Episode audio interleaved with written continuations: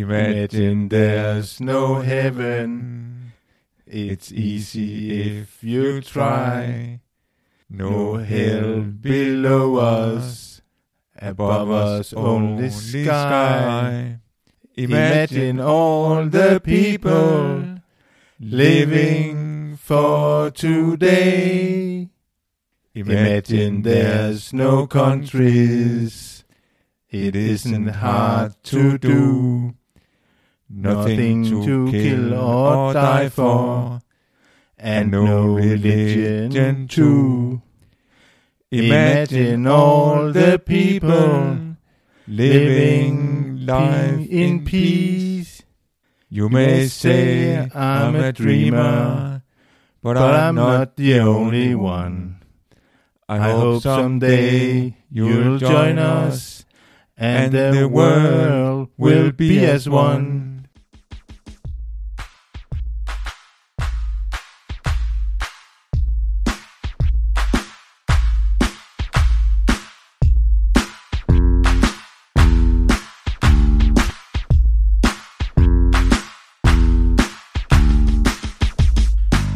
Lytter til Legendariske Mor. En podcast fra det gule værelse.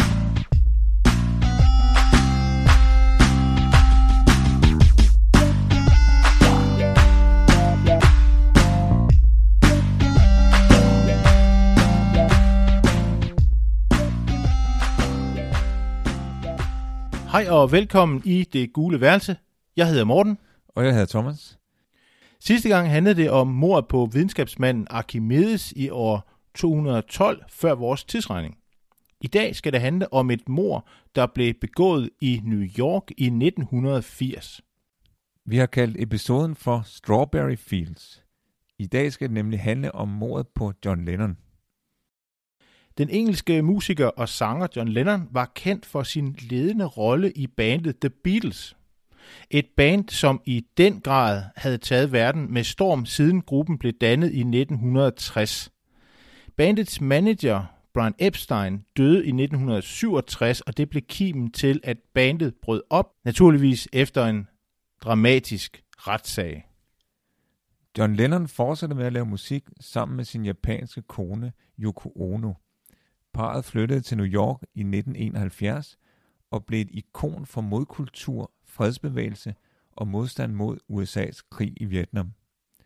Først boede parret i en lejlighed i Greenwich Village, men i 1973 flyttede de ind i en af lejlighederne i den legendariske Dakota-bygning på 72. 20. gade. Typisk for tiden havde Lennon eksperimenteret med LSD og andre psykedeliske stoffer, men også med New Age-inspirerede former for meditation og psykoterapi. Sidst i 60'erne, der blev han sammen med de andre fra Beatles introduceret til transcendental meditation gennem den indiske guru Maharishi Mahesh Yogi. Senere i 70'erne frekventerede han primalskrigsterapi sammen med Yoko Ono under psykoterapeuten Arthur Janov i Los Angeles. I 1975 fødte Yoko Ono parets søn Sean. Lennon tog faderrollen alvorligt og besluttede at tage en pause fra sin musikkarriere for at hellige sig livet som hjemmefar. I 1980, efter fem års pause, vendte Lennon tilbage til musikscenen og livet som musiker. Men det skulle vise sig at blive en kort genkomst. Kun tre uger efter at have udgivet albummet Double Fantasy, hans og Yoko Onos femte plade sammen, blev han skudt uden for sit hjem i Dakota-bygningen. Om eftermiddagen ved 17-tiden den 8. december 1980 havde John Lennon signeret albummet Double Fantasy til en fan, Mark David Chapman, der senere på aftenen myrdede ham med fire skud fra en kaliber 38 revolver. John Lennon blev bragt til Roosevelt Hospital, hvor han var død ved ankomsten. John Lennon døde kl. 23.15. Han blev 40 år, og Double Fantasy blev siden hans bedst sælgende album. Hvem var Mark David Chapman? Hvorfor skød han John Lennon? Og hvem var John Lennon? Og hvad var hans rolle i The Beatles? Hvad handler sangen Imagine om? Og hvorfor kunne præsident Nixon ikke lide John Lennon? Og hvad har romanen The Catcher in the Rye at gøre med mordet?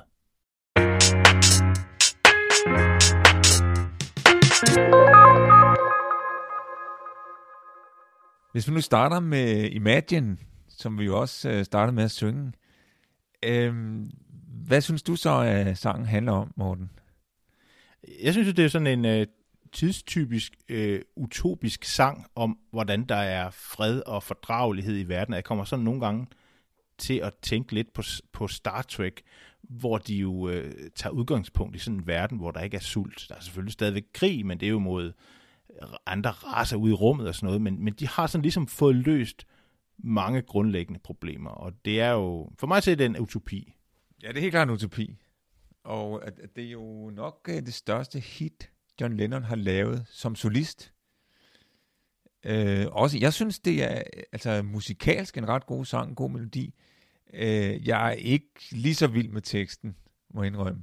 Der, det, det handler mest om, hvad, hvad han ikke kan lide. Der skal ikke være nogen religion. Der skal ikke være nogen øh, nationalstater. Og der skal ikke være nogen ejendom. Og det, det synes jeg måske er lidt naivt. Der er en, der er en sjov anekdote om, at øh, kirken, en af de store kirker, jeg tror i USA, øh, henvendte sig på et tidspunkt til John Lennon for at få lov til at bruge teksten i deres, jeg tror de talte om sådan en stor bøn, men de kunne godt tænke sig, at de dog måtte ændre en lille ændring, i stedet for at, øh, at han synger There is no religion, så kunne man, de ville gerne have, at han sang There is only one religion. Men det gik han så ikke med til. Men det, men det er jo meget sådan et godt eksempel på, at, at kirken er jo god til ligesom at kunne, kunne få, få nogle ændringer og, og altså tage udgangspunkt i noget, og så ligesom få det passet ind, så det passer i teologien. Det, det synes jeg er godt set. Jeg synes, det var meget kreativt. Meget kreativt, ja. Af kirken. Jeg synes egentlig, det var, det var godt fundet på. Men ærgerligt, at den ikke gik. Det gjorde den vist ikke. Nej, den gik ikke. Men det er, som du siger, et af hans helt store hits, men han er jo, øh, han er jo, øh, han er jo en af ja, hvad var hans rolle egentlig i Beatles, Thomas? Jamen altså, øh, altså i starten var han jo en ledende figur. Altså jeg har læst, at de andre Beatles-medlemmer, de så op til ham i starten. Altså dels fordi han var lidt ældre end dem, og, og så synes de også, at øh, han var en klogeste. Og de kaldte ham Elvis. Den engelske Elvis. Og så ændrer det sig lidt, tror jeg, med tiden, fordi at, at der er jo sådan nogle perioder i, i Beatles udvikling, altså i, i den første periode der i starten af 60'erne, der, der går de mest ud af musikken, altså de er sådan lidt ligeglade med teksterne, og det kan man også godt høre, at, at de er sådan ret uh, naive, de der tekster, det er sådan noget med love, ikke, og she loves you, og sådan noget, eller love me do, uh, de har ikke gjort noget af teksterne, Øh, og det er også den periode, de turnerer, og der opstår de her Beatlemania, som de fleste sikkert har set øh, tv-klip fra, alle de her skrigende kvinder, fuldstændig øh, hysterisk, ikke? Øh, men så sker der et skift på et tidspunkt, de bliver trætte af at turnere. Og det er jo så blandt andet, det er der flere grunde til, det er blandt andet det, at, at de, de, de fortæller, at øh, altså, at der var simpelthen så meget larm, når de optrådte, at det gik ud over musikkens kvalitet. Jeg tænker, at de har nok haft svært ved at høre sig selv. og det var en af grunden til, at de holdt op med at turnere. Og, og, øh, og så begynder de jo at arbejde mere med, altså de går i studiet så, og begynder at arbejde mere både med tekst og, musikkerne, tekst og musikken, og synes jeg faktisk bliver bedre.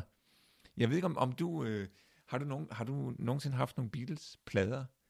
Øh, jeg har faktisk haft øh, Imagine-pladen, altså ikke den originale selvfølgelig, men den blev udgivet, jeg tror, Ja, det har nok været i slutningen af 80'erne. Der blev også lavet en film, der hed Imagine. Øh, jeg kan huske coveret sådan helt hvidt, og så er der sådan en, øh, en meget naiv, øh, lidt kulørt stregtegning af, af John Lennon med de der runde briller på. Og den, øh, den har jeg lyttet rigtig meget til. Ja, altså jeg havde jo både det røde album og det blå album, som var sådan nogle opsamlinger med, med de fleste af deres sange, i hvert fald de bedste af deres sange. Ja, dem, dem kan jeg godt huske, ja.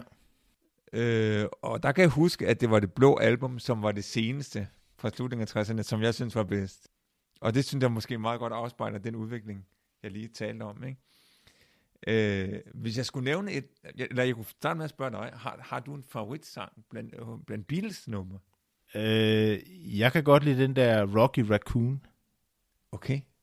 Jeg tror ikke, det er en af de mest kendte. Nej. Men det, men det kan jeg altså godt lide. Er det en af deres første, eller... Nej, det tror jeg ikke. Det er sådan en Okay. western-sang, sådan lidt sjov øh, sang, så, sunget med sådan lidt sjov øh, western-accent. Hvis jeg skulle nævne en, så er nok Let It Be, som er, har en lidt speciel historie af flere grunde. Øh, at det er en af deres sidste sange, ikke? Og den er skrevet af Paul McCartney, og John, Lennon, og John Lennon kunne ikke lide den. Han synes, den var til grin, den sang, og den har ikke noget med Beatles at gøre. Og så i øvrigt er den jo nærmest en modsætning til Imagine, fordi det er jo sådan en lidt religiøs sang, lidt et beat. Det handler om, at øh, han synger Jomfru Maria, når jeg har det svært, øh, så kommer Jomfru Maria til mig. In my hour of darkness, Mother Mary comes to me. Ikke? Speaking words of wisdom, let it be. Ikke? Så det er jo sådan en lidt religiøs sang.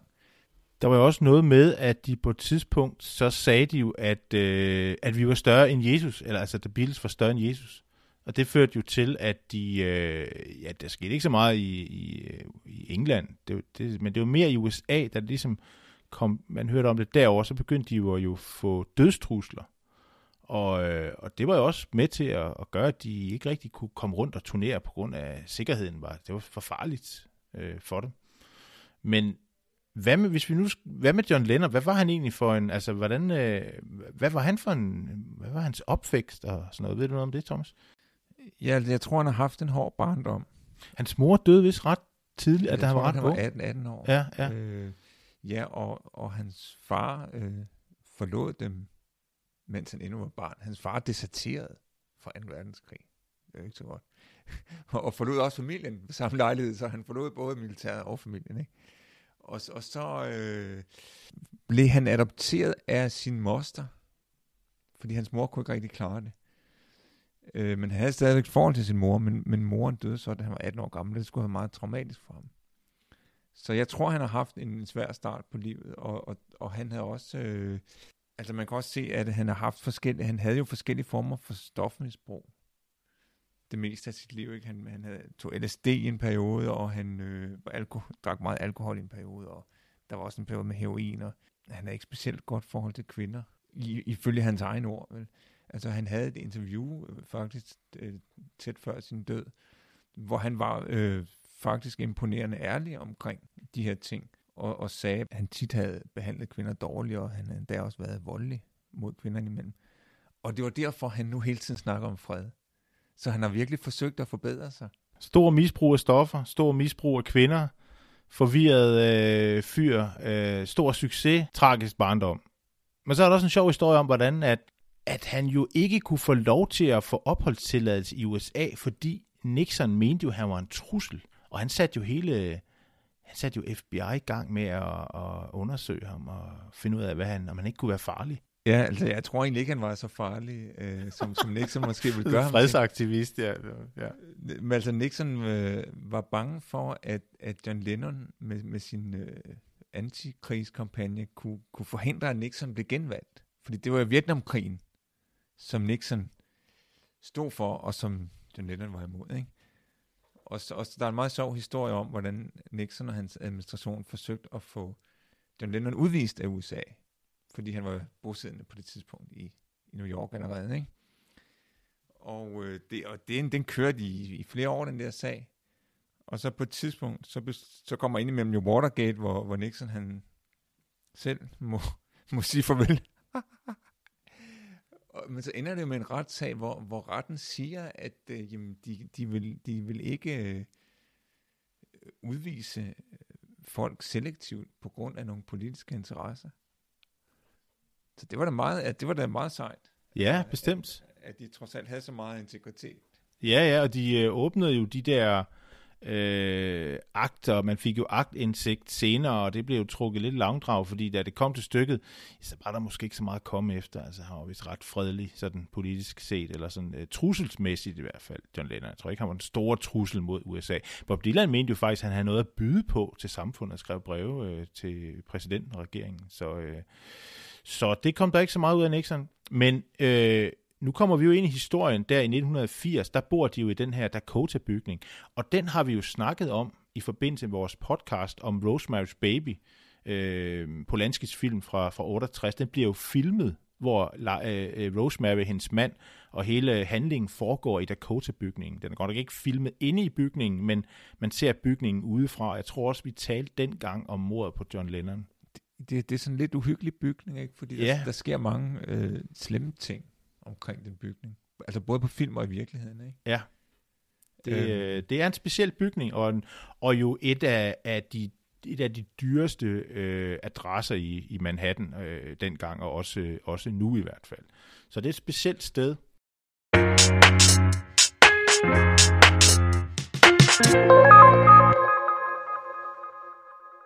Ham her, øh, morderen, den her unge 25-årige øh, Beatles-fan, han, øh, som, som vi snakker om, han, han, øh, han står jo og venter på ham, og, og, og opsøger ham der sidst på eftermiddagen, og får faktisk en autograf, som, som vi snakker om, og, og vender så tilbage, og lader Lennon komme hjem, så skyder han ham så med, med den her revolver. Og, men men, men der, der er jo noget interessant ved det her, fordi da, da han har skudt ham, så sætter morderen sig ned, sådan som jeg har forstået. Han sætter sig bare ned, så begynder han at læse i en bog. Det er jo, det er jo øh, J.D. Salingers uh, The Catcher in the Rye, Forbandet ungdom. Ja, præcis, på den ungdom. Eller som den, den, den, den, den er blevet nyoversat for ikke så lang tid siden, hvor man kaldte den for Griberen i Ruen. Den er jo øh, det er en meget kontroversiel roman, og den, har, den er jo ros til skyerne, men også været forbudt flere omgange. Har du læst den, Thomas? Jeg har ikke læst den, må jeg. Nej. Jeg har heller ikke... øh, Jeg tror faktisk, jeg har læst den en gang for mange, mange år siden. Altså, det er jo hovedpersonen af den her 16-årige, øh, han hedder Holden Caulfield, som jo senere, altså han er blevet sådan en ikon for ungdomlige øh, oprør, lidt sådan James Dean-type. Og den her lidt sære titel, jeg tænker Cats in the Rye, altså øh, Griberen i ruen, det er sådan en meget tekstnær titel. Den kommer fra et, øh, et digt, der optræder i, i, i bogen. Og det her digt, det er fra, fra en, en skotte, øh, sådan 1700-tals skotte, der hedder Robert Burns, som har lavet et digt, der hedder Coming Through the Rye. Altså man løber igennem den her mark med, med korn. Øh, og et af versene lyder sådan her, som jeg lige vil citere. Gin a body made a body coming through the rye. Gin a body kiss a body need a body cry.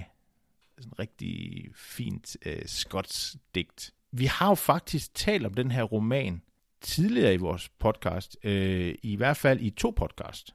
En af dem, det er i Stanley Kubricks film The Shining fra 1980. Der har vi en scene, hvor den lille dreng Danny, som er hovedperson, han sidder ude i køkkenet med sin mor, og Danny sidder og ser tv, mens hans mor Wendy, hun sidder og læser i netop Catcher in the Rye. Så der er den sådan snedet med, og det er jo altså faktisk i 1980. Så på det tidspunkt er den måske lidt hip. Og så møder vi faktisk både Salinger, altså forfatteren der, og romanen i en film, der hedder Fields of Dreams fra 1989. Kan du, øh, kan du huske den film øh, og vores Jeg samtale? sagtens om huske den film? filmen, jeg kunne Ja, ikke ja. lige huske, at Catcher in the Rye var med.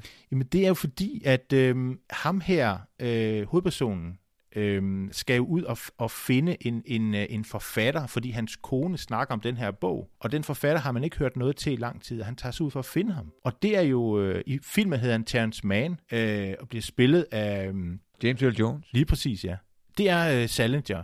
Så der, der er den jo faktisk sned med i, i handlingen der. Ja, ja, ja. Det var, det var jeg slet ikke opmærksom på.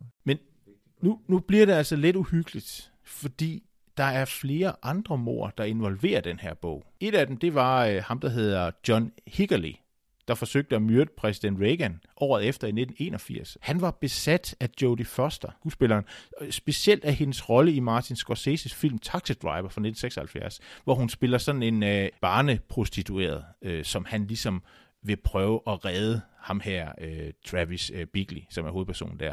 Det er jo Robert De Niro, der spiller ham med, han- med, med handekamp. Og han forsøger jo også på et tidspunkt at myrde præsidenten i den her film. Ham her, John Hickory, han havde faktisk den her bog liggende på sit natbord. Så er der også et andet mor. Ham, der hedder Robert John Bardo.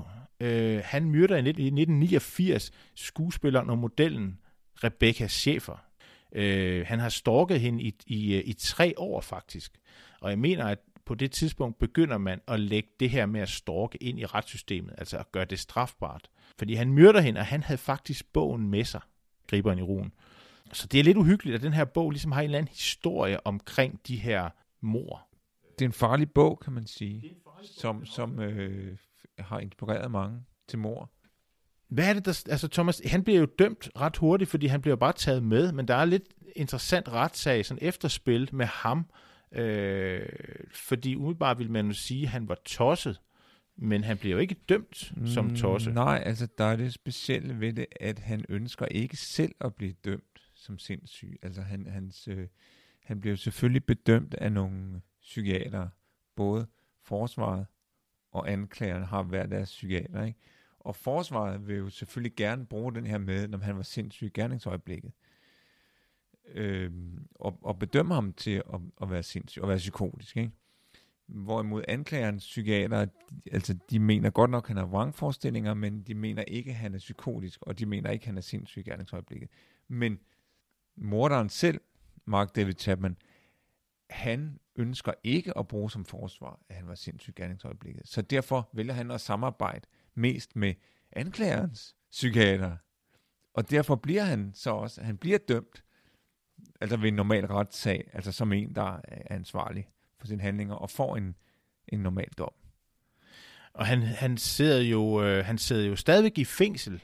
Han er blevet afvist 11 gange at blive sluppet ud, senest sidste år i 2020, og næste gang han skal ansøge om løsladelse, det er i, i, i 2022, så må vi se, om han kommer ud. Jeg tror egentlig aldrig, han kommer ud. Jeg ved ikke, om, om, om tror du, at øh, det bliver bedømt hårdere, når man har myrdet en berømthed som den Lennon, end hvis det bare var en almindelig person? person? Kan det være sådan noget, der spiller ind? Nej, men det, det, der spiller ind, det er jo, at hver gang de skal tage den her sag op igen, så er der jo et stort pres fra en masse mennesker, der jo gør opmærksom på, at de synes, at øh, han skal sidde længere, øh, og, og de har en stor indflydelse. Derfor så tror jeg, at det, det er svært for nogen at sige, at nu tror jeg, at han skal ud, nu må det være nok. Jeg tror nok, at ved de der høringer, hvis, når, hvis man øh, overvejer at prøve at løslade nogen, så spørger man jo de efterladte, familien til den myrde, ikke? om hvad de synes. Og øh, Yoko Ono har vist ikke synes, at han skulle løslades. Nej. Så jeg ved. Og John Lennon har også nogle børn. Han har ham der øh, Sean, men han har jo også... Øh, han har også... Øh, har han ikke en, en, en dreng mere også fra tidligere ægteskab? Jo, også? jo, jo, han havde et tidligere ægteskab, hvor han fik søn Julian Lennon. Julian Lennon, ja. Og ham var han måske ikke sådan lige, helt lige så god far for, som han har været for Sean. Nej. Øh, han forsømte ham måske lidt. Og der er faktisk en sjov historie om det, fordi øh, jeg læste, at den her dreng, Julian, han havde faktisk bedre forhold til Paul McCartney end til John Lennon. Og den ret kendt Beatles-sang, der hedder Hey Jude, den handler faktisk om John Lennons søn, øh, Julian Lennon. Og den hed oprindeligt Hey Jules, den sang. En sang skrevet af Paul McCartney til John Lennons søn, som, som også jo havde det svært, blandt andet fordi han blev forsømt af sin far, ikke?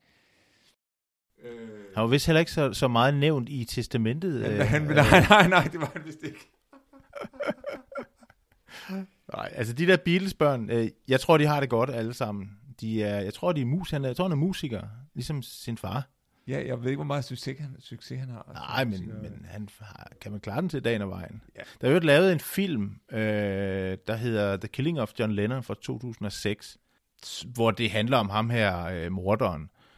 Men øh, har du, jeg har ikke nej, set nej, den. Nej, altså, den. og vi har, jeg kan også afsløre, at vi, har, vi havde den ikke med på vores liste over 100 bedste film. Den er ikke med på listen.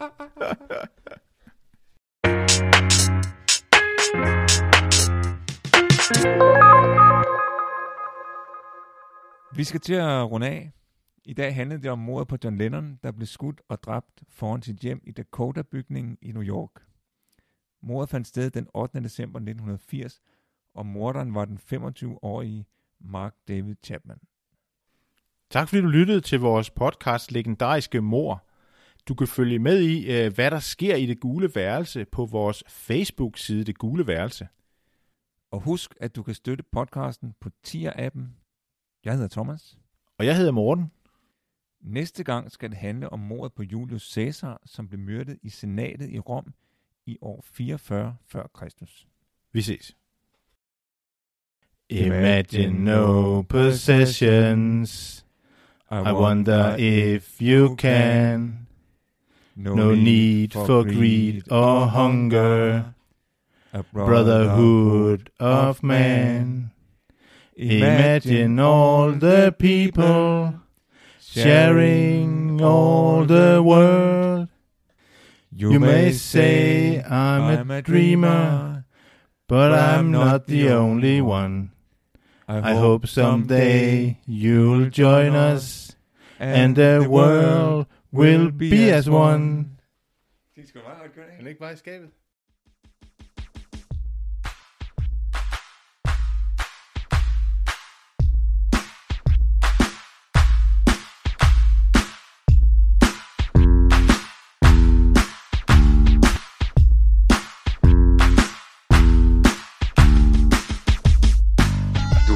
Til Legendariske Mor. En podcast fra det gule værelse.